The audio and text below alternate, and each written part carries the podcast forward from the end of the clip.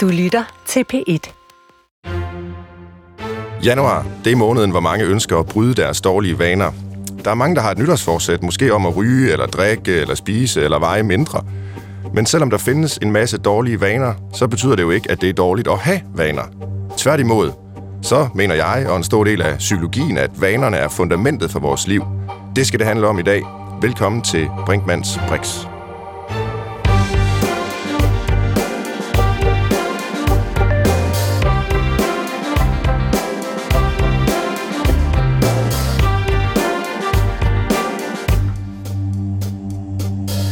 Mit navn er Svend Brinkmann. Som professor i psykologi undersøger jeg, hvorfor vi mennesker handler, som vi gør. Her i programmet har vi ikke patienter på briksen, men tendenser i samfundet, sindet og menneskelivet. Man siger, at psykologi er videnskaben om det, som alle ved i forvejen, men sagt på en måde, som ingen forstår. I Brinkmans Brix er målet at sige noget, som ingen har tænkt på før, på en måde, som alle kan forstå. Til at hjælpe mig med at belyse vanernes magt i vores tilværelse og øhm, måske finde ud af, hvordan man kan bryde de dårlige vaner, hvordan man kan få nogle gode vaner, der har jeg øh, et par eksperter.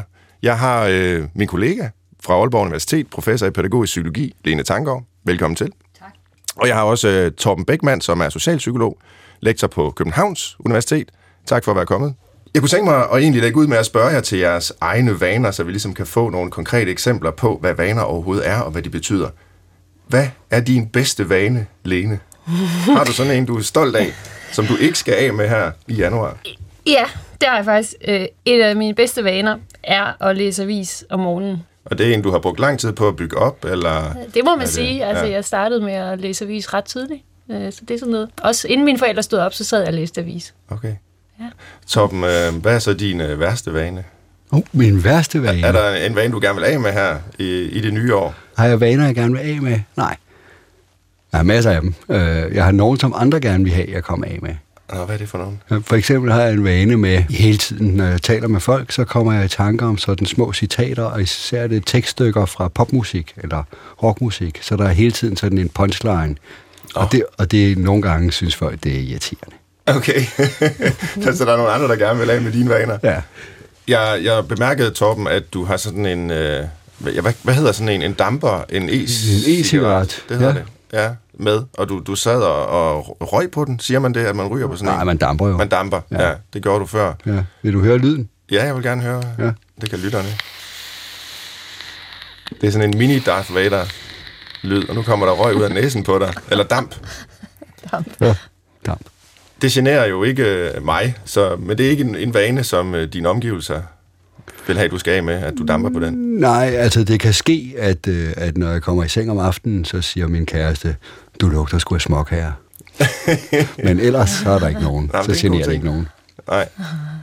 Men har du øh, tidligere røget øh, altså har jeg. cigaretter? I rigtig mange år. Ikke så meget cigaretter, men pibe. Øh, fordi det giver lidt mere status, og det ser hyggeligere ud, og folk tror, man er klog og sådan noget. Okay. Øh, og så kunne jeg godt lide det. Ja. Og det er du så stoppet med? Det stoppede med, fordi lægen synes, det var en dårlig idé. Og så tænkte jeg, hvordan kan jeg komme så tæt på min pibevane, eller min Ja. ja. rygevane som muligt, og så fik jeg lavet en særlig smag. Okay. Det kan vi komme tilbage til. Ja. Ja. Det her med, hvordan man øh, bryder vaner, og måske nærmest får pålæg af ens læge om, øh, at det kan være nødvendigt at gøre det. Noget af det mest fundamentale, man kan sige om stort set et hvert psykologisk fænomen, det er jo, at det udspiller sig forskellige steder, i forskellige rum, måske øh, ganske konkret. Øh, når vi taler om vaner, øh, så opdager vi dem, det gør jeg i hvert fald, når vi står op om morgenen øh, og har en morgenrutine. Øh, men vaner er jo også noget, vi har i alle mulige andre af livets øh, rum og sammenhænge. Vi har det, når vi er på arbejdet. Vi har det, når vi øh, sender vores børn i skole, og, og de sidder der. Og, og vi vil se på vanefænomenet i en række forskellige rum her i dag i øh, Brinkmanns Brix.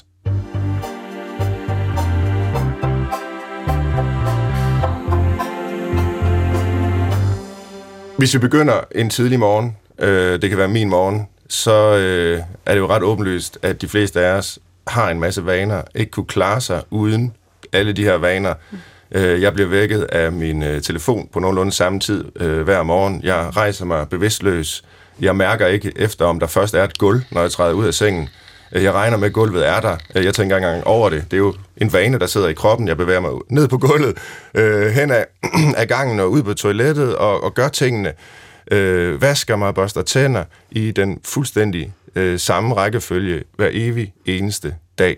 Og sådan er en stor del, ikke bare af min morgen, men jo af hele min dag. Øh, måden, jeg laver mad på til børnene, øh, måden, jeg tager hen på arbejdet og tænder for min computer, alle de der ting. Vi er jo vanedyr øh, ud fra det perspektiv, der svømmer i vaner, ligesom fisk svømmer i vandet. Øh, det betyder selvfølgelig ikke, at vi ikke kan have dårlige vaner, ligesom fisk også kan svømme i forurenet vand, men øh, det betyder, at der er noget meget, meget fundamentalt ved det, at vi har vaner, vi mennesker. Og det tror jeg sådan set, øh, begge mine gæster her i dag er enige i. Torben Beckmann fra Københavns Universitet og Lene Tankgaard fra Aalborg Universitet. Øhm, men Lene, du har jo alligevel skrevet en bog om vanebrud. Mm. Øh, hvordan man veksler gamle vaner til ny kreativitet. Mm. Øhm, hvorfor er det, vi skal bryde med de her vaner, hvis nu det er, som jeg lige har forsøgt at beskrive det, mm. øh, fundamentalt for at være menneske, fundamentalt for at være et, et psykologisk væsen, mm. øh, at det, det, det sparer psykisk energi, vi får tingene gjort i en bestemt rækkefølge. Mm. Øh, det er simpelthen bare sådan, det er at være menneske. Mm. Jamen, altså, bogen, som hedder Vanebrud, hed faktisk oprindeligt Syv gode vaner. Øhm, der er bare en anden, der har skrevet en bog, der ligner. så det er sådan en, en bog, kan Stephen man... Covey, for eksempel. en, en global bestseller, ikke? Der Syv gode vaner. Og det havde de glemt. Øh, nej, men jeg har jo arbejdet rigtig meget med forsket i kreativitet i mange år, og en af de øh, kan man sige, observationer, jeg har gjort mig, det er, at mennesker, der lykkes med at skabe noget nyt, de gør det på en bund af vaner.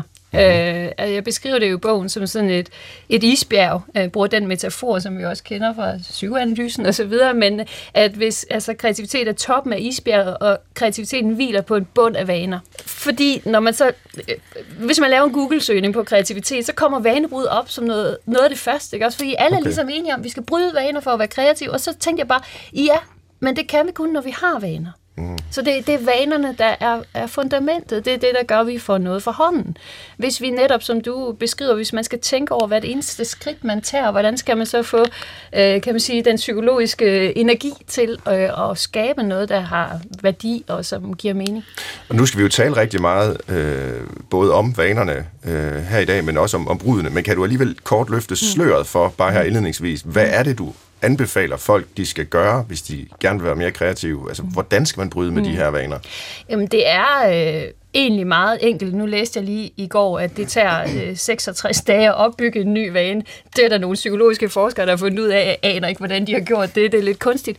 Men, men, men, men egentlig så, øh, så har vi alle de der vaner, og noget af det, vi kan gøre for at bryde dem, det er for eksempel, jeg beskriver om at rejse, øh, flytte sig fysisk, øh, skifte miljø, øh, lære noget nyt, øh, tænk som en turist nogle gange, når man kommer til et fremmed land, så registrerer man øh, alting. Man bruger sine sanser, og det er noget af det, man kan, man kan bruge til at bryde vaner. Og så har jeg jo også øh, sådan to meget, mener jeg, tidsaktuelle øh, vanebrud, nemlig øh, at søge fordybelse. Mm-hmm. Øh, som jeg kan sige, en af de vaner, vi har fået i moderne, øh, kompleks samfund, er jo, at vi lader os distrahere hele tiden. Og, og så det at, at dyrke fordybelsen og, og opholde sig ved noget, man virkelig interesserer sig for, kan være et vanebrud for det moderne menneske. Umiddelbart så vil jeg jo netop se det som det modsatte. Mm. Altså det at fordybe sig i noget, øh, det er at, at, at måske øh, opretholde en vane, grave sig ned i noget, dvæle ved noget, blive ved noget, hvor jeg i hvert fald øh, sådan helt intuitivt øh, associerer vanebrud med, med det modsatte, altså man springer væk fra noget. Ja, øh. ja og det er jo det, der er lidt, øh, det er det, jeg har haft sjov ved at skrive bogen, mm. ved at vente lidt på hovedet, mm. og så sige, jamen, når vi kigger på det liv, mange af os lever, mm. øh, så er det jo sådan, at vi har svært ved at finde øh, måske den der time til at rent faktisk opholde os ved noget og læse en bog til ende. Det er der rigtig mange øh, mennesker, der ikke kan mere. Så det er blevet et vanebrud. Hvor man kan sige, øh, i 70'erne ville det ikke have været, eller i, i 20'erne ville det ikke have været et relevant vanebrud. Der var udfordringen en anden. Øhm, jeg citerer jo øh, Jung øh, i, øh, i bogen, som øh, har beskrevet, hvordan han han øh, underviste i Zürich øh, om formiddagen, og der var det pulserende storbyliv, og han havde travlt, og han havde overhovedet ikke tid til at tænke. Og så byggede han et stenhus ude i skoven, hvor han så tog ud om eftermiddagen. og hvor han beskriver, at det var derude, det lykkedes ham at bryde med Freud. Altså, så, så, så det er sådan set, altså, ret, altså, og det beskriver jeg jo så som et, et vanebrud, altså mm. i skiftet fra formiddagen til, til eftermiddagen. Det er jo ikke sikkert, at man kan bygge et stenhus, ligesom Jung gjorde, men, men at man i hvert fald kan overveje, hvad er det for vanebrud, der er relevant i mit liv? Hvad er det for, for vaner, jeg har, og hvilke skal jeg bevare? Fordi mm. dem, ja. dem holder jeg af øh, og også ture og bevare vaner. Øh, fordi det, det er vi udfordret på. Nogen vil have, at vi skal bryde vaner hele tiden. Men ture bevare nogle vaner, og så finde de der øh, i virkeligheden enkle vanebrud, der kan gøre, at man øh, kommer det sted hen, hvor man, øh, altså hvis vi nu definerer, som jeg gør i bogen, kreativitet som det at bidrage med noget meningsfuldt, at man mm. kan komme til det. Ja. Jeg synes, noget af det spændende ved, ved, ved psykologien, det er jo, at der er så utrolig mange forskellige tilgange til, uanset hvilket fænomen vi, vi lægger på briksen. Det er jo det, vi gør her i Brinkmanns Brix. Vi lægger et psykologisk fænomen på den, og så undersøger vi det fra forskellige perspektiver. Øh, og i dag er det vaner. Øh, og, og hvis vi går til din øh, socialpsykologiske øh, tilgang, Torben Beckmann, mm. hvordan vil man fra socialpsykologien så se på vaner? Fordi der vil man måske have nogle andre perspektiver, end dem vi lige har hørt mm. øh, fra Lene Tankgaard, hvor det jo er individet, der ja. øh, går ud og bygger en, en, en hytte, eller, eller gør noget andet på en anden måde selv. Mm. Ja. Men vaner er vel også øh, kollektivets vaner. Det er vel noget, man socialiseres ind i, øh, i grupper af andre mennesker. Det er klart. Altså, og også ud over grupper. Mm. Altså, og, jeg, og jeg tænker, altså vaner er jo også sædvaner, eller altså, vi kunne tale om rutiner, altså rutiniseret liv, eller hverdagslivet, eller som jo formes på særlige måder. Ikke, altså vi kan synes, det er for os hver især, men de formes jo også for os alle sammen. Altså af strukturer, eller af måder, som vi er enige om at gøre ting på. Øh, så derfor er der rigtig mange af os, som gør det samme, har de samme vaner. Altså, ligesom dig står op på næsten samme måde, formodentlig laver den, altså de øh, de brunede kartofler på den samme måde i Herning og omegn. Øh, altså sådan, så, så der er også der er også en historie, eller, eller der er en samfundsmæssighed i vaner, ikke mindst sædvaner. Øh, og det synes, jeg, altså det synes jeg selvfølgelig er det mest interessante, det der med at overveje, hvad betyder de vaner? Hvad betyder sædvaner? Hvad betyder måder at organisere os på? Hvad betyder måder, som vi gør ting fælles på? Og de er jo i opbrud, eller eller de er under forandring, man kan sige. Der er tale om store sædvanebrud, øh, fordi at øh, livet, verden, befolkningen bliver mere øh, divers, eller vi tænker, at den er mere divers, eller at vi alle sammen vil skille os ud. Altså individualiteten kommer til at stå, på, øh, stå i modsætning til sædvanerne. Øh, og på den måde, så giver det store udfordringer, for pludselig er vi ikke så enige om værdierne, sædvanerne, rutinerne, øh, måden at føre sit liv på og det giver store problemer. For eksempel bekymring, angst for de andre, de er fremmede, uanset om de fremmede er fra Aalborg eller Herning eller Fjernøsten, eller hvor de måtte komme fra. Men det er jo interessant det her, øh, at, at der måske er tale om, at vi har et stort samfundsmæssigt vanebrud, ja. øh, sædvanebrud, kan man så kalde ja. det, hvor, hvor der er, er, er kog i gryden på alle mulige måder. Mm. Og, og, og det er jo en vis måde en øh, altså det er jo et perspektiv på det, som sociologer og samfundsforskere har diskuteret i 100 år, yes. med individualisering, øh, øh, urbanisering, øh, det multikulturelle samfund, globalisering. Altså der er utrolig mange forskellige perspektiver på det, men jeg har aldrig tænkt over selv, at det kan samles i noget så relativt enkelt som et, et begreb om, om vaner. Men jeg, sy- jeg synes, der er noget yderligere interessant, fordi det er, måske kan det der, hvis vi nu køber ideen om samfundsmæssigt vanebrud mm-hmm. eller kollektivt vanebrud, så sætter det jo også blus under det der med, så bliver det endnu mere nødvendigt, i hvert fald i min optik, at den enkelte søger efter vaner individuelle vaner, eller søger efter andre værdier, andre kollektive værdier, som så kan blive mere eller mindre arbitrære eller absurde. Altså sådan, så man kan sige, er der en bevægelse hen imod det religiøse, blandt folk, ja, det er der især, om, altså her hvor det har været jul, eller det der med, så bliver de endnu vigtigere, de der rutiner, eller fejringer, eller at man gør ting på en helt bestemt gammeldags måde. Men hvor meget max, jeg ved godt, det er et ret umuligt spørgsmål at svare på, og det er også et af de, de helt klassiske i psykologien, og, og før det i filosofien, men kan man sige noget om, hvor stor magt individet har over at tilrettelægge sit eget liv vanemæssigt? i forhold til de store kulturelle, samfundsmæssige sædvaner. Og, og hvis de nu mangler, kan man så etablere dem selv i sit eget liv. Øh, er, er det overhovedet en mulighed, eller må vi sige, at det her øh, det, det er noget, der skal orkestreres i fællesskab. Ja, jeg tror, det skal orkestreres. Undskyld, Lene. Ja, det er fordi, jeg sidder og hopper. Ja, Nej, men, men øh, jeg, jeg citerer, eller jeg bruger øh, Dewey lidt som bagtæppe, øh, John Dewey, amerikansk pragmatist, øh, i, i bogen, og, og han har i den bog, der hedder Demokratiet og dets problemer, øh, en meget fin, en, et fint billede på det her, hvor han siger, øh, han, han siger så, at staten har ansvar for at anlægge hovedvejene, således at øh, den enkelte kan øh, lave nogle afstikker, eller kan anlægge nogle biveje, eller, altså det, det billede bruger han på, hvem har ansvar for hvad, øh, og, og det synes jeg faktisk er et ret interessant billede, øh, det er jo så, det, jeg kan ikke lige huske, at det er 16, han 1916, han skriver den bog, ikke? men det er ja. en meget, meget aktuel problemstilling. Hvordan er det, vi får, får skabt et samfund, hvor, hvor nogen tager ansvar, øh, således at der faktisk skabes plads til, at, at den enkelte også kan, kan bidrage. Men er det noget, vi vil finde os i i et uh, moderne demokratisk samfund, at uh, politikerne skal komme og sige, altså selvfølgelig skal de tage ansvar for at bygge vejene, det, det er ikke okay. det, jeg mener, men kan vi sige til dem, at de skal tage ansvar for at skabe vaner for os? Øh, de skal lovgive, men, men vaner, det må vi da få pokker selv om, ellers så bliver det sådan noget øh, nationalkonservativt, noget med, at der sidder nogen, der skal bestemme, hvilke sædvaner der gælder, og hvad, hvad vi skal spise osv., eller, eller, ja, eller det er jo det er måske en ja, anden diskussion. Ja, men den er jo tæt på, altså øh, man kan sige, øh, det skal jo ikke blive alt for teoretisk det her, men man kan sige, hvis vi nu tænker i strukturer, som du er meget inde på med sædvaner, øh, mm. Torben, som er et mhm. meget interessant begreb øh, at tænke og bryde der, struktur, og så har vi praksisniveau, og så har vi individet.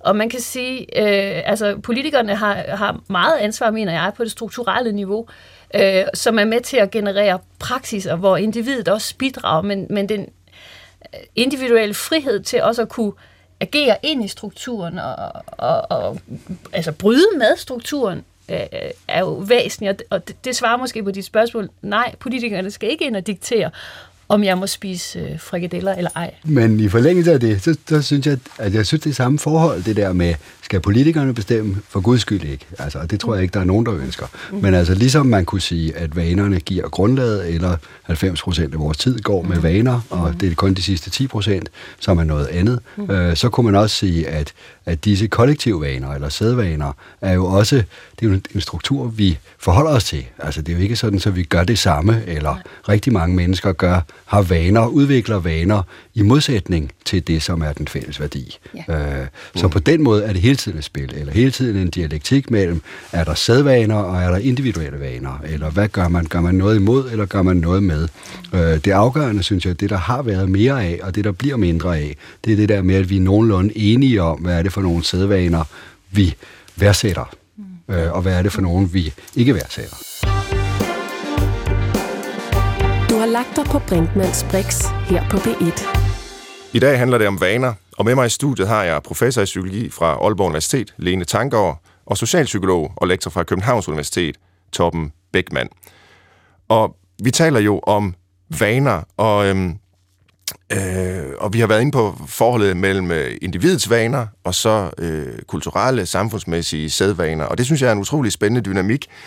Og man kan sige, hvis vi nu går ind i et rum, der hedder øh, idehistorien, og måske helt tilbage til, til urskoven i menneskehedens barndom, jamen så er der jo ret forskellige perspektiver på vanen og vanens betydning i menneskets liv.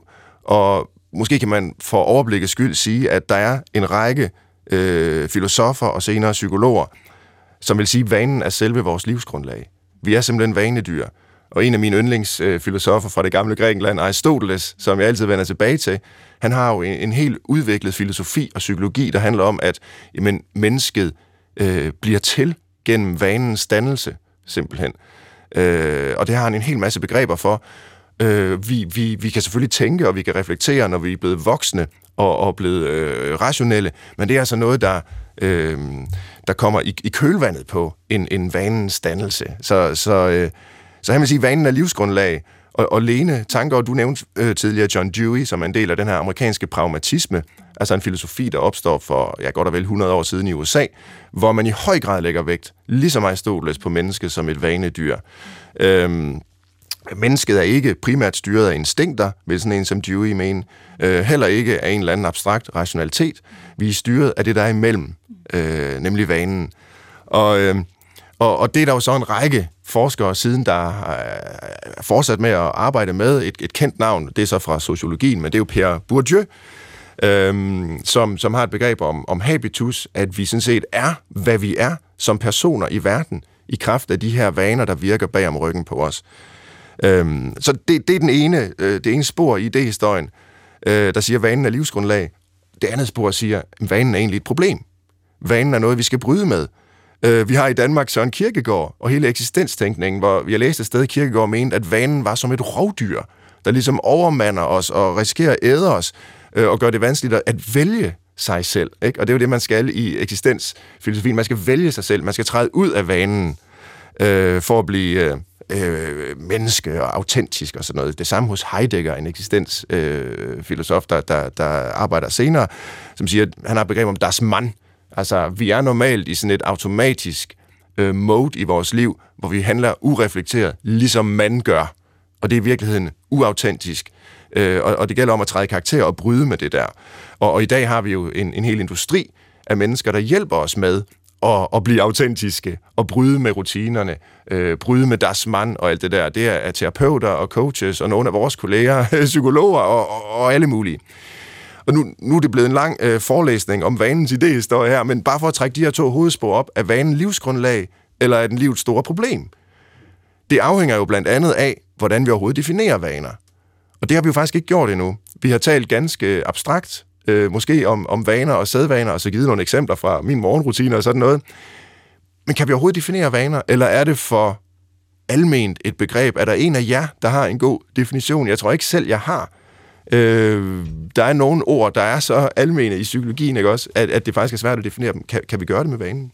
Lene, tanker? Øh, jamen altså, jeg forsøger jo at, at og, og, og indkredse i hvert fald vanebegrebet i bogen, og, og citerer blandt andet John Dewey, som jo er inspireret af, af William James, som skrev en bog, der hedder Habit. Og Dewey siger, vanen bor i musklerne. Uh, og han siger, at forskellen på spædbarnet og den voksne er ikke, at den voksne har en bevidsthed, som barnet ikke har. Forskellen er, at den voksne har opbygget en lang række af vaner, der konstituerer øh, psyken. Altså som simpelthen konstituerer os, som er grundlag for vores eksistens. Øhm, så det er jo det gentagende, hvis man skal prøve at, at, at beskrive. Vaner er det, vi gentager. Vaner er ikke instinkter. Det er ikke, øh, vi er ikke determineret af vanen, men vanen er relativt stabil. Altså Bourdieu, som du nævnte tidligere, vi jo med habitus-begrebet, som ligger tæt på, på vanebegrebet. Uh, habitus er jo strukturerende strukturer, der strukturerer adfærd. Det er jo Bourdieu's... Øh, sådan... det, det, det må du lige forklare. Hvad betyder det? ja, hvad betyder det? Jamen, øh, det betyder jo øh, sådan lidt enkelt, at øh, vi er i verden, og der er nogle strukturer, og de gør noget ved os. Altså, man udvikler for eksempel i overklassen, Bourdieu har jo interesseret sig meget for smagsforskel. I overklassen er der bestemte præferencer for mad, øh, for kunst, litteratur, som man måske ikke har i underklassen. Og de, den struktur og de præferencer overtager vi. Og øh, ifølge Bourdieu bliver det til krop. Og det vil sige, at vanen er ikke en bevidst, nu vil jeg. Vanen er noget, vi gør, noget vi gentager, også altså du brugte udtrykket bag om ryggen nogle gange, uden vi helt er klar over det. Mm. Øh, og man kan sige, det er jo så der, hvor, hvor dem, der kan være skeptiske over for vanen, kan have et argument, så sige, jamen du skal netop, altså være klar over, hvorfor du gør, hvad du gør. Det jo nogle af vores kollegaer, der også vil sige, at det er sådan set det, der udvikler øh, et selv, at man i stigende grad bliver klar over det, og netop ikke lader sig styre af vanen. Men, men jeg tror jo, at vores liv i høj grad er betinget af, at vi har mulighed for at gentage noget, øh, som så er det, der gør, at vi også en gang imellem kan gøre noget andet end at gentage. Når du taler om vaner på den måde, Lene, så lyder det jo næsten som sådan et øh, psykoanalytisk begreb om det ubevidste. Altså det, det er det, der får os til at gentage ting. Det er det, der kører bag om ryggen på os. Øhm, Ja. Og det er det, man indimellem må opsøge en psykolog for at få klarhed over, hvordan fungerer det egentlig, og hvordan øh, bryder vi med det. Ja, ja. Er det nu, nu, nu, ja. Men bare for at, at trække vanebegrebet over i en psykologisk tænkning, som nok er mere kendt for de fleste af lytterne rigtigt. her. Altså, når, når man siger psykologi, så er der jo mange, der tænker på Freud og ja. betydningen af barndommen, hvor der grundlægges nogle vaner, ja, og kunne det, vi måske sige. Ja, og det gør der jo. Mm. Øh, og det er den, den forskel på, altså at vi har fået opbygget en række vaner. Jeg, jeg vil sige, at forskellen på det ubevidste øh, sådan i psykoanalytisk forstand, og så vanen er, øh, jeg bruger det der billede i bogen, at vaner også viser sig som spor i landskabet. Altså, så vi kan se vaner. Vi kan se, hvis I tænker på at gå en tur i skoven, så er det de officielle stier, og så er det der, hvor folk har skudt en genvej. Og mm. over tid, så bliver det sådan til, til en ny sti, øh, en uofficiel sti. Så vaner viser sig for os, og det gør det ubevidste, viser sig jo ikke på den, altså det er jo netop det der bag om ryggen. Øh, så, så jeg, der er noget med vaner, at de netop aldrig, øh, altså nu, nu skældner du mellem det strukturelle og det individuelle niveau, vaner er aldrig kun mine. De er også i det landskab, jeg bebor. Øh, hjemme ved dig vil man sikkert kunne se spor af dine morgenrutiner, mm. når, du, når du har forladt huset. altså så, og det, man kan ikke altid se på den måde spor af det ubevidste, vel? Nej, nej men det er rigtigt. Min, øh, min, mit hverdagsliv er jo tilrettelagt, ligesom en, en hver persons hverdagsliv er, som et sæt af vaner, hvor det miljø, jeg lever i, også inviterer mig til at reagere på det på en bestemt og i udgangspunktet ureflekteret måde, fordi det er bare det nemmeste. Ja. Øhm, men for at øh, vende, vende tilbage til den her distinktion, jeg forsøgte at indføre mellem vanen som livsgrundlag på den ene side, og vanen som livets store problem mm. på den anden side. Øh, hvordan forholder du dig til det, Torben, fra, fra dit øh, ståsted? Jamen, jeg tror ikke, jeg står så meget forskelligt fra, hvor Lene står, men jeg tænker, at måske er der brug for en lille nuancering, ja. fordi frem for det der med at tænke det som ubevidst, så vil jeg sige, med til definitionen af vaner er både, at det er vedligeholdende og velkendt. Altså, de to elementer hører også til vanerne. Øh, og man kunne sige, frem for at betragte det som noget ubevidst, noget der foregår bag om ryggen på os, så kunne man bruge det begreb, som hedder tavs viden, altså at det er viden, øh, vi har, det er refleksioner, vi har gjort, øh, men de bliver automatiseret eller rutiniseret på en måde, så, så vi ikke tænker over dem længere. På den måde er de, altså, spekulerer vi ikke over dem, vi tænker ikke over dem, vi gør dem per automatik, eller vi gør dem bare, når du laver morgenmad, eller jeg laver morgenmad, eller får serveret morgenmad, øh, så er det noget, vi har vendet os til. Vi ved godt, hvad der sker. Nogle gange er vi ikke opmærksomme på at fortælle det. Eller hvis man altså, kører automobil, eller kører i sin bil, og ikke tænker over at skifte gear, hvis der ellers er manuelt gear, øh, så er det jo et element af, at det har man gjort så mange gange, så det sidder ligesom i kroppen. Altså, så på den måde er det ikke nødvendigvis noget, vi ikke spekulerer over eller har taget stilling til, men noget, vi har gjort så tit, så det synker ned som en automatiseret bevægelse eller en vane. Mm. Og på den måde, så kan man sige, at der måske et eller andet, hvis vi skal bryde vanen, fordi vi spekulerer ikke over det. Du har lagt dig på Brinkmanns Brix på P1. I dag handler det om vaner, Øh, både de gode af slagsen og de dårlige. Det handler om at opbygge vaner, og det handler om at bryde med vaner. Og jeg har øh, i studiet Torben Beckmann fra Københavns Universitet og Lene Tanker fra Aalborg Universitet. Og hvis vi bevæger os øh, fra de gamle teorier, pragmatismen og Dewey og Aristoteles og alle dem, øh, ind i det moderne arbejdsliv, træder ind i det rum, der hedder arbejdet, øh, så er det jo et sted, hvor vi i høj grad i de her år drøfter vaner ofte, det er mit indtryk, men så må I jo korrigere mig, hvis øh, I ser det på en anden måde, men ofte på en måde, hvor vanen er et problem. Man siger mange steder, plejer er død. Øh, vi skal jo i dag være fleksible og omstillingsparate. Vi arbejder i lærende organisationer, hvor vaner i bedste fald er midlertidige. Rutiner er noget, der skal ændres på. Der skal være omstruktureringer. Der skal være reformer. I en bog om, om øh, den moderne konkurrencestat det er jo så statens institutioner, Ove Kaj Pedersen skriver om i den, en, en, en dansk øh, samfundsforsker, der siger han, vi er underkastet en uendelig reform. Altså alt er ligesom konstant til forhandling, skal reformeres, skal forandres, fordi vi skal følge med. Hold det op, vil man jo så sige, hvis man som jeg gerne vil hylde vanen, og mener, der er en stor værdi i, at tingene ligesom sedimenterer sig, at vi kommer ind i nogle rutiner, og at vi faktisk der kan yde et godt stykke arbejde. Får vi nogensinde lov til det? i det her moderne arbejdsliv, hvis det er underkastet evige reformer og, og omstruktureringer.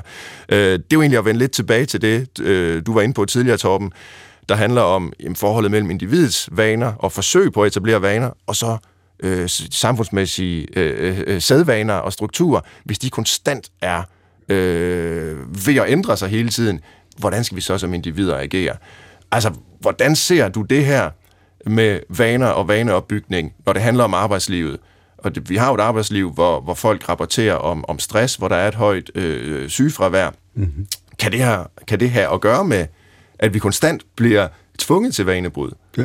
Ja, det har alt at gøre med det, synes jeg. Nå. Altså, ja, det er jo meget kendetegnende. Så har vi løsningen jo. Altså, ja. ja, vi er På på, vej måde. til et sammenbrud. Altså, okay. den måde, vi arbejder på nu, vil jeg sige, den moderne, omstillingsparate, fleksible, og vi er under evig reform, er dybt ineffektiv.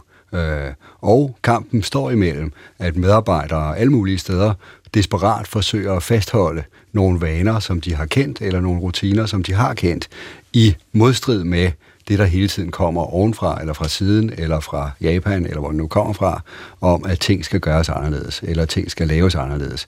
Øh, og det sker hver dag, hele tiden, og altså masser, masser, masser af steder, og det er et kæmpe problem for arbejdspladserne, eller for arbejdskraftens altså, hmm, effektivitet eller udnyttelse. Øh, for eksempel har vi lige på på, i København på universitetet, fået det, der så smukt hedder KU Computer, og det lyder som noget fra en fremtidsfilm. øh, men det betyder, at alle rutiner og alle programmer er lavet om, sådan så alt det, som for eksempel administrative medarbejdere, de skal sidde og lave, det er lavet anderledes nu øh, af, af sikkert eksperter inden for IT eller programmering, men det betyder, at ingen arbejdsopgaver kan løses, som de før blev løst. Ja. Så nu skal man på kursus for at lære systemet at kende, sådan så man kan finde ud af, hvordan skal man løse de arbejdsopgaver, som jo hele tiden er der. Øh, hvordan skal man løse dem på ny, selvom man kender løsningen i forhold til nogle gamle systemer. Så sådan nogle accessoires eller småting som computersystemer eller omstruktureringer af rum, hvis vi sidder i fælles kontorlokaler osv., øh, betyder alting for folks arbejdsliv. Men, men hvorfor pokker bliver de så hele tiden brudt med? Hvorfor har vi den her uendelige reform og evige omstrukturering? Altså, hvis det virkelig forstyrrer øh, så meget, som du nu fortæller med, med den her case fra din egen arbejdsplads, hvorfor finder vi på sådan noget galskab? Jeg, jeg tror ikke, vi finder på det. Altså, jeg tror, nogen, Nogen finder jo, på det. ja. Nogen, ja, nogen finder på det, og Google er ved at overtage, eller Facebook, eller hvad vi nu skal. Altså, Apple og Google er jo nogle af de store arkitekter, øh, som begynder at strukturere vores liv på en måde, sådan så vi løser ting på en anden måde, end vi gjorde før. Øh, og desværre løber vi jo alle sammen efter disse store fabrikanter, øh, som, som små hundevalve, og forsøger at følge med. Øh, men det betyder jo, at der er masser, masser, masser af ting, som vi ikke kan løse. Altså, for eksempel for at logge på KU Computer, så skal man nu have en app, og det vil sige, at man er nødt til at have en smartphone, fordi ellers kan man ikke have en app, så man kan bruge en kode hver gang man skal åbne den. Og banken har lige bedt om det samme, har jeg læst at de vil også gerne have, at jeg downloader en app, så jeg er fri for den der nøglekode. Så kan jeg nemlig bare kigge på min telefon hele tiden. Nu skal jeg bare prøve at forstå, hvad, hvad synspunktet er her. Altså, det, det er noget med, at der er nogle firmaer, der gerne vil sælge noget nyt til os hele tiden. Og for at de ligesom kan blive ved med det, så øh, bliver de nødt til at tvinge os til at, at gøre noget på andre måder, fordi man kan sige, hvis det vi havde fungeret, så kunne vi bare fortsætte med at bruge det. Ja. Og så det, det er sådan, det skal forstås. Ja, og det gør de jo så i samarbejde eller i kooperation med, med ikke bare andre virksomheder, men også med stater og alverdens ting. Altså, så der er selvfølgelig et netværk af magthavere, eller du kan sige betydningsfulde beslutningstagere, som træffer sådan nogle beslutninger. Øh, og derfor tror jeg også, at medarbejdere og folk i almindelighed, altså ofte nogle af os hopper jo på det, fordi vi er allerede startet i den ene ende af systemet, øh, men rigtig mange, de forsøger at fastholde nogle gamle rutiner øh, imod de nye systemer, som hele tiden Ja. skyller ind os, over os. De, de bekæmper disruption, Ja. tankegang der. Ja. Nå, det var noget af en svagdag, øh, Lene tanker. Øh, er, er du helt enig i den? Eller man kan sige, din bog hedder jo Vanebrud, og nu har du fortalt om, hvordan den jo i mindst lige så stor grad handler om de ni tiende af vores liv, så, som er vanebaseret. Mm. Men du vil jo alligevel gerne, øh, kan man sige, advokere for vanebrudets mm. betydning. Øh, men hvad nu, hvis problemet er, at vi har alt for mange vanebrud hele tiden? Ja. Altså, jeg indleder jo bogen med en samtale, jeg havde i januar sidste år med en HR-konsulent fra en kommune, som siger til mig, efter vi har talt sammen, så siger han, det, kan, jo- det kunne være, at vi skulle bryde vanen med at lave alting om hele tiden. Mm. Og det er jo min pointe i bogen, at i det moderne, øh, senmoderne liv, der har vi fået den her uvane med at bryde op hele tiden. Og det, øh, min bog er sådan set, øh, kan man sige, et, et, et forsvar for vanens betydning øh, i lige præcis sådan et samfund. Øh, og det kan godt være, det er Google, der, der gør det. Øh, øh, men jeg vil jo så, hvis jeg skal moderere lidt i forhold til, til Torbens perspektiv, så, så er det jo altså også bare sådan, at nogle gange, nu ved jeg ikke lige med KU computer, men, men nogle gange er nye systemer jo nogen, der hjælper os til at gøre tingene lidt smartere. Øh, og, og, og, og, og, og, så Øhm, har du Vi eksempler på det? Eller? ja, jeg kan ikke lige finde nogen. Nej, jo, nu sidder jeg vi her synes- som sådan nogle teknologi-fjendske nogen. Sådan skal det jo heller ikke være. Jeg Så synes, der, nu, vi får jo et nyt system på vores arbejdsplads. AU, AAU Computer. Ja, og det er et rigtig god, øh, godt system. Øh, ej, men der, øh, altså, for eksempel det system giver os et øh, øh, faktisk øh, bedre overblik over nogle ting, som gør det muligt at træffe nogle bedre beslutninger. Jeg er også leder, ikke? Øhm, og så, så det, er jo ikke, altså, det er jo ikke al forandring, der er af det onde. Men, men, men der, hvor jeg synes, vi, vi, vi har et psykologisk problem øh, på den moderne arbejdsplads, det er der, hvor vi ikke forstår, det, altså det lyder måske lidt for simpelt at sige den menneskelige psykologi, men vi kan faktisk ikke holde til hele tiden at lave alting om. Altså øh, på, på, på det personlige plan, øh, både privat og, og i arbejdslivet, der har vi brug for, for den her bund af vaner, og hvis man som øh, arbejdsgiver eller som leder eller kollega ikke respekterer det, så, øh, så, så, så ender vi i den situation, som jeg synes, der er tegn på, vi er ved at ende i, hvor vi bliver overbelastet, vi bliver stresset, og det er jo ikke kun fordi, der er mere at lave. Det er faktisk fordi, at vi mister forbindelsen til det, vi måske tænkte var meningen med det, vi skulle. Mm. Altså, så man kommer til at bruge tiden på at skulle logge på systemet, eller bruge tiden på at forholde sig til endnu et nyt initiativ, som opleves at komme ovenfra, i stedet for at kunne koncentrere sig om at undervise børnene, eller øh, passe de ældre og pleje dem ordentligt, øh, som de fleste jo er optaget af, og hvor man, hvor man gerne vil lave forandringer, øh, når, når man kan se, at det giver værdi for, for opgaven. Ikke? Det, det, det, der tegner sig et mere og mere absurd billede af samfundet øh, hos mig, i hvert fald, når jeg sidder og hører jer beskrive samfundet og, og de her tendenser. Altså, på den ene side, så, så har vi et arbejdsliv, hvor vi ikke får lov at etablere de gode vaner, fordi alting hele tiden laves om. Og, og så når folk har fri og er derhjemme, jamen så øh, er de så øh, kan man sige, udmattet af hele tiden at skulle forholde sig til alt muligt nyt. Nu karikerer jeg det, det, det, det er klart. At de, at de bare smider sig på sofaen og, og læser Facebook-opdateringer og ser Netflix, eller hvad det nu er hvor de egentlig gerne vil bryde med den vane, og, og komme ned i fitnesscenteret, og øh, ud i skoven, og være mere sammen med deres børn, og lægge telefonen væk, og måske spise noget sundere, og så videre, hvor de faktisk godt kunne tænke sig et vanebryd. Ja. Altså, så det, det er jo sådan to øh, arenaer, vi nu også har bevæget os i her i, i samtalens løb, øh, både i hjemmet og på arbejdet, hvor man jo på en eller anden måde burde kunne krydse det lidt. Så hvorfor ikke få lidt bedre vaner og rutiner øh, på arbejde, og lidt mere blivende vaner? Og, og så måske nogle af, af flere af de her vanebrud derhjemme, øh, som folk gerne vil have, måske især her i, i januar måned. Det forestiller jeg mig, at lytterne er, er interesseret i. Der er jo nogle af de der, øh, det, jeg kender ikke detaljerne i undersøgelserne, men nogle af de her, i hvert fald beskrivelser af arbejdspladser, hvor man vælger at sige, nu arbejder vi kun 30 timer om ugen. Altså, det er jo så typisk vidensarbejde, hvor man kan, kan gøre det, og hvor man jo finder ud af, jamen man kan faktisk godt nå opgaverne, fordi det er et spørgsmål om, hvordan vi organiserer og strukturerer tiden. Så også overveje, hvordan, altså når jeg så går ind i boksen, havde jeg sagt, og skal lave noget, laver jeg så noget, eller er jeg på Facebook? øh, og, og, og det vil kunne skabe plads til, til nogle ja, frugtbare vanebrud, både på arbejdet, men også, som du siger, derhjemme. Men nogle gange tænker vi også, effektivitet, det gør, kommer man måske også selv til. Jeg, er enig, jeg vil gerne sige, at jeg er enig i, at der er nogle systemer, som godt kan være gode til, altså på nogen, i nogen henseender. Problemet er bare, at det ofte er pakket i pakker, sådan, så de nogle ting, det er gode til, de medfører en hel masse andre ting, som de ikke er så gode til. Øh, Så derfor kunne man stille lidt højere krav til design af nye systemer, Klart. for eksempel. Har lagt dig på Brinkmanns Brix her på B1. Og øh, vi har undersøgt vanen, vanens magt, øh, både derhjemme i ens almindelige hverdagsliv og øh, på arbejdspladsen, og vi har været langt tilbage i idéhistorien.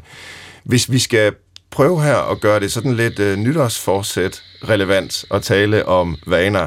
Nu sidder Torben Beckmann fra Københavns Universitet og har rejst hele vejen her til Aalborg og damper på sin, øh, sin øh, e-cigaret. Jeg glemmer hele tiden, hvad den hedder. Øh, jeg har ikke den slags øh, dårlige vaner. Jeg synes, vi skal ind i det rum, der hedder rygekabinen. Ja. Og, øh, og der, der sidder vi jo på en vis måde nu, i og med, at du damper. Mm. Og, øh, og der ved jeg, Torben, at du har nogle, øh, lad os kalde dem, usædvanlige synspunkter på hele det her med, med rygning, som de fleste af os jo er, har lært øh, af videnskaben, at øh, det er noget forfærdeligt noget. De cirka 20 procent af befolkningen, der ryger, de vil måske leve 5-10 år kortere, ja. øh, statistisk set, ja. end, end andre. Så vi burde jo alle sammen holde op med at ryge. Hvis noget skulle være en samfundsmæssig opgave, så var det at løse det problem. Så kunne vi leve lige så længe som nordmændene eller svenskerne måske. Øh, hvis det så ellers er et mål i sig På selv. samme måde. Altså. Ja, ja, ja, måske. Så, men du sidder stadigvæk og damper, det er vel ikke helt sundt? Ja, altså, det, er- du siger mange ting, Svend. Ja. Så Svend, du siger en frygtelig masse ting. Du siger, at vi har lært af videnskaben. Altså, og jeg, det troede jeg ikke om dig. Hvilken videnskab? Øh, altså, det har vi lært, det har vi lært af dele af videnskaben. Det er For subjekt, Torben, videnskaben. okay. men, men der er dele af, andre dele af videnskaben, som modsiger det. Øh, og, Nå. og, og nej, jeg synes jo ikke, at det er en dårlig vane. Og nej, jeg ville ikke sige, at det er su- usundt. Øh, det ved jeg godt, at er blevet sådan en... Hmm, det tænker mange. Øh, rygning er som vane øh, usundt fysiologisk set. Altså, man kunne sige, det går lidt ud over fysiologien, især hvis ikke man gør noget andet. Hvis ikke man Det, det er du fysisk- ikke uenig i. det er jeg ikke Nej, uenig i. godt. Især hvis man ikke gør noget andet, altså for eksempel er fysisk aktiv. Til gengæld vil jeg sige, altså som socialpsykolog, Ja. ja. at rygning er usædvanligt sundt for det mentale, altså for ens evne til at tænke sig om, øh, og det er et helt usædvanligt godt middel relationelt eller socialt. Altså rygning kan som ingen andre ting skabe forbindelse mellem mennesker, øh, og det kan man se på alle mulige måder. For eksempel, at altså findes der den efterskole- eller højskoleelev, som ikke vil ryge, eller som ikke begynder at ryge? Øh, næsten ikke. Altså fordi det er den eneste måde, man kan etablere kontakt til andre efterskoleelever, når man står der og er 15 år eller 17 år, og ikke ved, hvad der er op eller ned, og hvad skal man gøre, når man står der udleveret til 40 andre mennesker. Det er jo et provokerende synspunkt, du har. Hvis man skulle øh, ligesom fortsætte den tankerække, så må man sige, jamen, der er det jo alt for sent at introducere børnene til cigaretter, når de er kommet på efterskole, eller er blevet unge mennesker på højskole. Øh, skulle man ikke introducere det allerede i, i indskolingen, når nu det er så godt et redskab til at, at, at tænke med og opbygge sociale relationer med? Jo, altså tidligere røg børn jo meget tidligere. Ja, netop. Meget tidligere. Skulle vi ikke tilbage til det? Altså man kan sige, det sjove som den, der, den del af videnskaben, du stoler på, øh,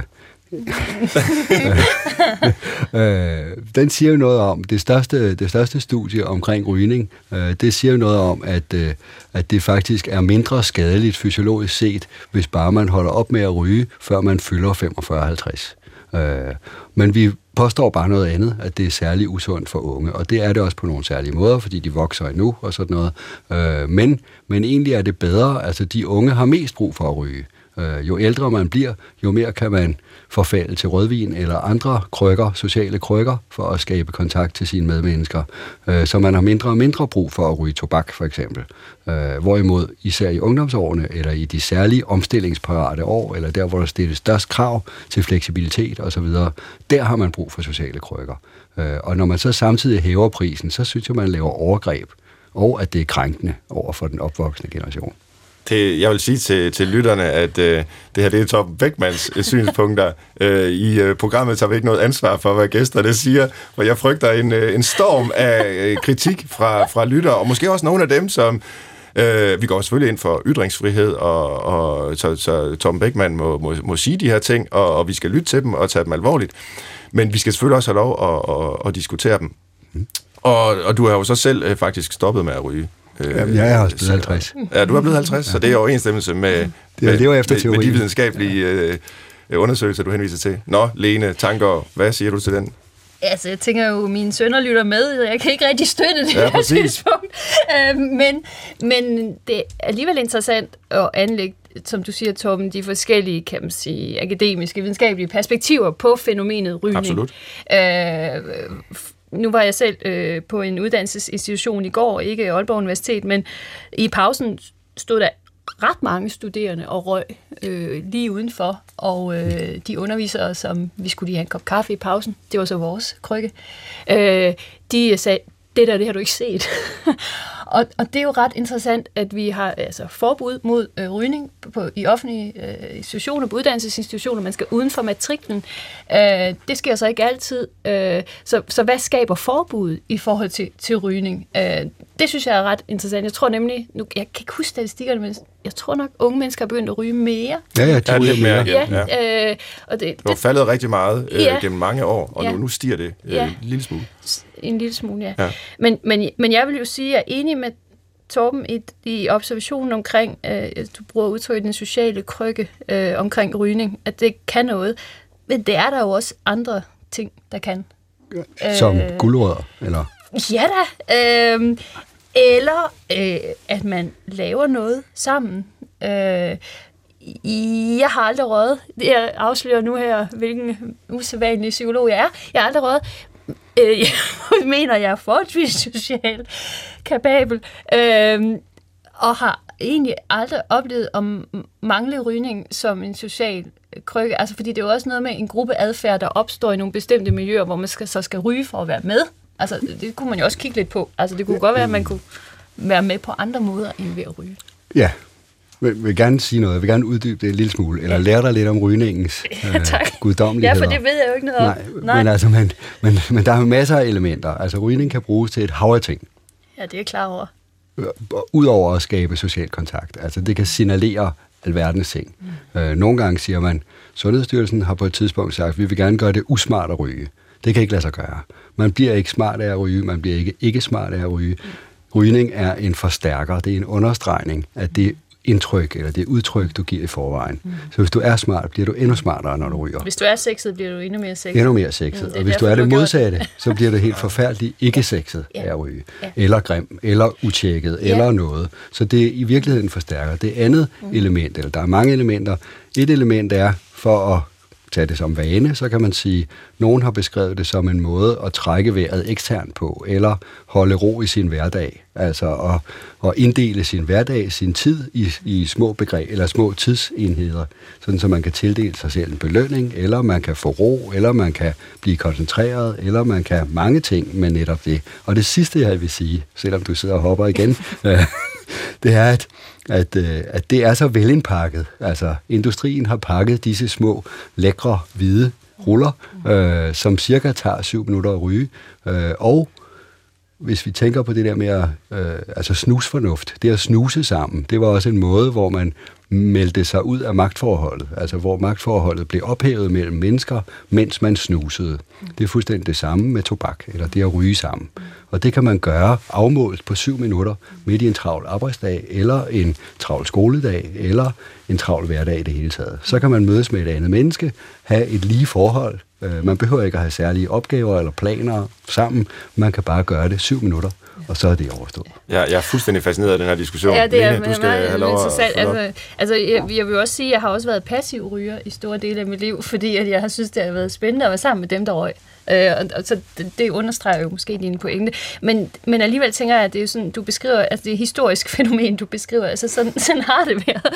Øh, og sådan er det også øh, stadigvæk. Men, men, men at der er jo også øh, andre måder at at etablere det, øh, du, du taler om øh, der. Noget af det, jeg kom til at tænke på, det er, at jeg har selv interesseret mig for sammenhængen mellem altså forskellige typer af misbrug af øh, narkotika, øh, medicin øh, i forhold til kreativitet, fordi det er jo en af de sådan set myter, der er, at, øh, at det fremmer øh, kreative processer øh, og være på lidt... Øh, benzodiner, og så tage lidt valium, og øh, male lidt på kokain, og, og, og det er, altså i kreativitetsforskningen har man jo været inde og undersøge det her, fordi det er sådan virkelig en cementeret myte, og der, der er ikke den sammenhæng. Altså der bliver for mange i det kunstneriske domæne, kan narkotika i virkeligheden måske primært være en form for selvmedicinering. Altså at det går ind og gør noget andet. Altså det gør ikke noget ved den kreative proces, men det hjælper på noget andet, som øh, der måtte være øh, på spil. Ikke? Så jeg, jeg, jeg synes, det er enormt spændende øh, og ret kontroversielt, det du siger, så det skal jo nok... Øh, Jeg synes, det er helt almindeligt. socialpsykolog fra Københavns Universitet anbefaler unge mennesker at ryge. Nej, nej, nej, nej, det gør jeg da slet ikke. Nej, nej, nej, jeg okay. siger, der er flere måder at opfatte det på. Øh, Jeg Ja. anbefaler det ikke. Og jeg er helt enig i, at man kunne vælge andre og fysiologisk sundere midler. Mm. Men at der er en entydighed om, at det her er skidt, øh, og en rigtigt. mangel på forståelse for de gode grunde, der kan være til at ryge, Ja. det synes jeg er katastrofen. Ja. Altså, det er ikke en anbefaling af, at man skal bare ryge. Men, der, er men mange har mange gode grunde til at ryge Ja. i deres liv. Ja, det er, Det er en vigtig øh, nuancering, og jeg tror, vi forlader rygekabinen her og, øh, og, og går over til et element i, øh, i det her program, som, øh, som handler om, at vi skal lave en liste. Har lagt dig på Brinkmanns Brix her på B1. Øh, vi vil jo gerne give lytterne noget for deres øh, licenspenge, og øh, det er sådan public service ånden, og specielt her i begyndelsen af januar, øh, er, det relevant, øh, når der nu sidder øh, eksperter som jeg to, øh, en socialpsykolog og en øh, pædagogisk psykolog, som ved en masse om vaner og vanebrud, øh, og, og ligesom hjælpe lytterne med at få øh, måske øh, opfyldt deres nytårsforsæt, øh, kunne bryde med de dårlige vaner. Kan vi blive enige om tre ting, det skal nok ikke være flere, som vi kan anbefale lytterne at gøre, hvis de gerne vil slippe af med dårlige vaner? Lene, tanker du har Jeg har, det første bud? Jeg, jeg har det første bud. Skriver jeg ned her? Øh, øh, jamen, det kunne jo for eksempel, hvis man nu ryger, så kunne man jo skifte ud til damp. Øh, altså, det, det, det er noget af det, som... Øh, Fra røg til damp? Fra røg til damp, præcis. Hvis du vil bryde en vane, så dur det ikke, at du står i et tomrum, øh, når du har forladt din vane, så du skal erstatte med noget. Øh, og, og, og noget, som måske giver dig den samme tilfredsstillelse, øh, men på en anden måde. Ja, mm. så jeg skriver først her, erstatte den gamle vane med en ny. Tom Beckmann, har du en, øh, et, et punkt til listen? For at bryde vaner, Ja. på en måde kunne jeg, kunne jeg jo ønske mig, at hvis man gerne vil bryde med nogle dårlige vaner, at man så åbner øjnene og ser på, hvad gør andre i samme situation. Så det handler om Hvis at lære af andre. Ja, eller nysgerrighed. Nysgerrighed, for andres ja. aktiviteter. Ja. Hvad, altså, har vi eksempler på det? Altså, hvor, at det er en særlig god strategi, hvor det lykkes særlig godt? Øhm, Øh, Ja, nogle gange, når folk rejser eller bevæger sig, øh, så ser de pludselig noget, hvor de tænker, hov, det var en smart måde at gøre det på. Øh, om det er at erstatte smøret med olivenolie, eller om det er at, altså, i stedet for at lave brunede kartofler, som man altid har gjort i Herning, så kunne man slå op og tænke, høj, i Aalborg, der gør de noget andet. Mm. Øh, så nogle gange kan man godt lære noget ved at åbne sine øjne eller ører øh, og se på, hvad gør andre. Ja, så den er kommet på også. Og Lene, jeg vil sige, altså egentlig øh, forbundet til noget af det, vi har talt om i dag, øh, det her med, det virker ikke med et forbud. Mm.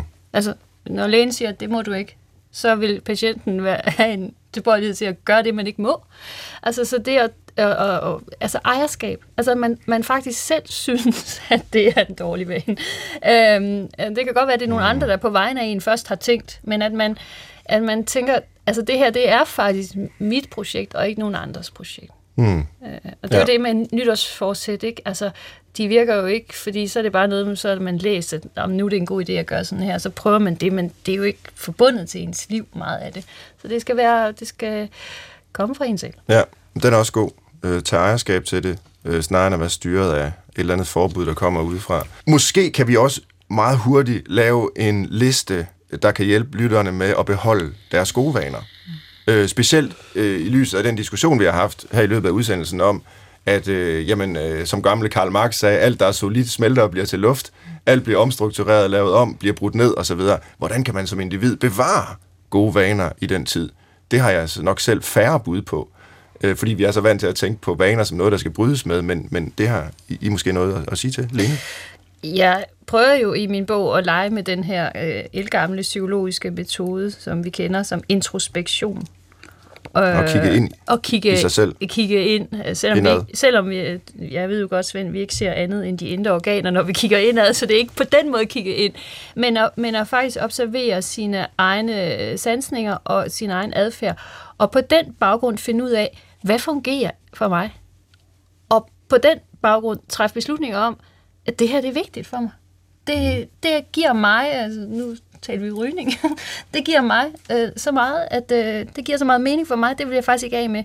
Og der prøver jeg at skrive i, i bogen, at det har vi fået sværere ved, fordi der kommer hele tiden eksperter og fortæller os, at nej, det må du ikke, og det kan du ikke, og videnskaben siger, og så vi er blevet forstyrret i vores evne til at og, og faktisk observere vores, vores egne, egne handlinger og egen adfærd.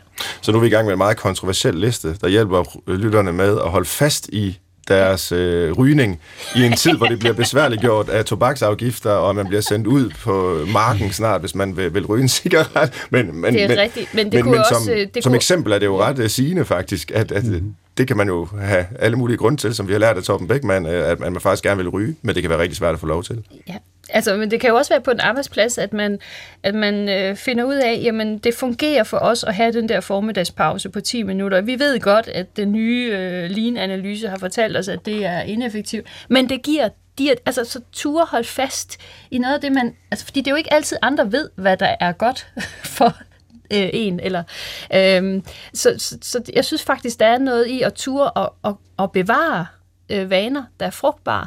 Øh, og også at kultivere vaner, som man øh, kunne mangle.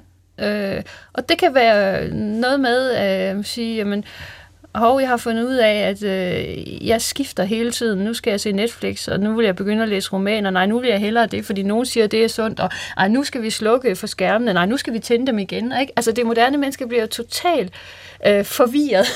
øh, og der, der er det at, turde sige, den her vane giver værdi for mig, og så kan alle mulige komme og sige det forkert. Øh, det, det mener jeg faktisk, vi har brug for at, at, at tage ansvar. Stå fast, som nogen ja, siger. det kan godt være Ja, det. jeg er enig i, at, man, at det er vigtigt at stå fast. Altså, jeg tror ikke, at der det kan kræves anbefalinger til at fastholde vaner, men måske Nej. kræves der en lille hjælp, en lille løftestang. Og på den måde tror jeg godt, lidt i forlængelse af, hvad du siger, Lene, at man kan være mere kreativ med, si, med at fastholde sine vaner. Mm. Altså sådan, så man kan sige, Øvelsen, opgaven går ud på at tilpasse de etablerede vaner til de nye omstændigheder eller nye omgivelser. Altså, når jeg synes, det er vidunderligt med vanen om at stryge tøj, så er det i virkeligheden ikke, fordi jeg kan lide at stryge, men jeg kan godt lide den rutine, det er, fordi det frigør tanker om noget andet, eller slå græs, eller savbrænde, eller hvad det nu kan være. Vask op for den sags skyld. Øh, og så nogle gange skift, bliver man skilt og gift igen, og så videre. Øh, og så kommer der nye kvinder, nye kvinder og mænd ind i ens virkelighed, og, og der bliver det jo så vigtigt at tilpasse nogle af de der vaner, som man har fornøjelse ved, sådan så de også passer den nye kvinde, mand, eller den nye arbejdsplads, eller, mm. øh, og det kræver et vis omtanke eller kreativitet, mm. at tilpasse etablerede vaner til nye omstændigheder. Tak til Lene Tangård og Torben Bækman for at have diskuteret vaner og vanebrud, og også været med til at hylde vanen sammen med mig her i dag. Du har lyttet til Brinkmanns Brix. Mit navn er Svend Brinkmann. Programmet var produceret af Victoria Tuveno. Tusind tak, fordi I lyttede med. Vi ses forhåbentlig igen. Lyttes ved i hvert fald. Samme tid og samme sted.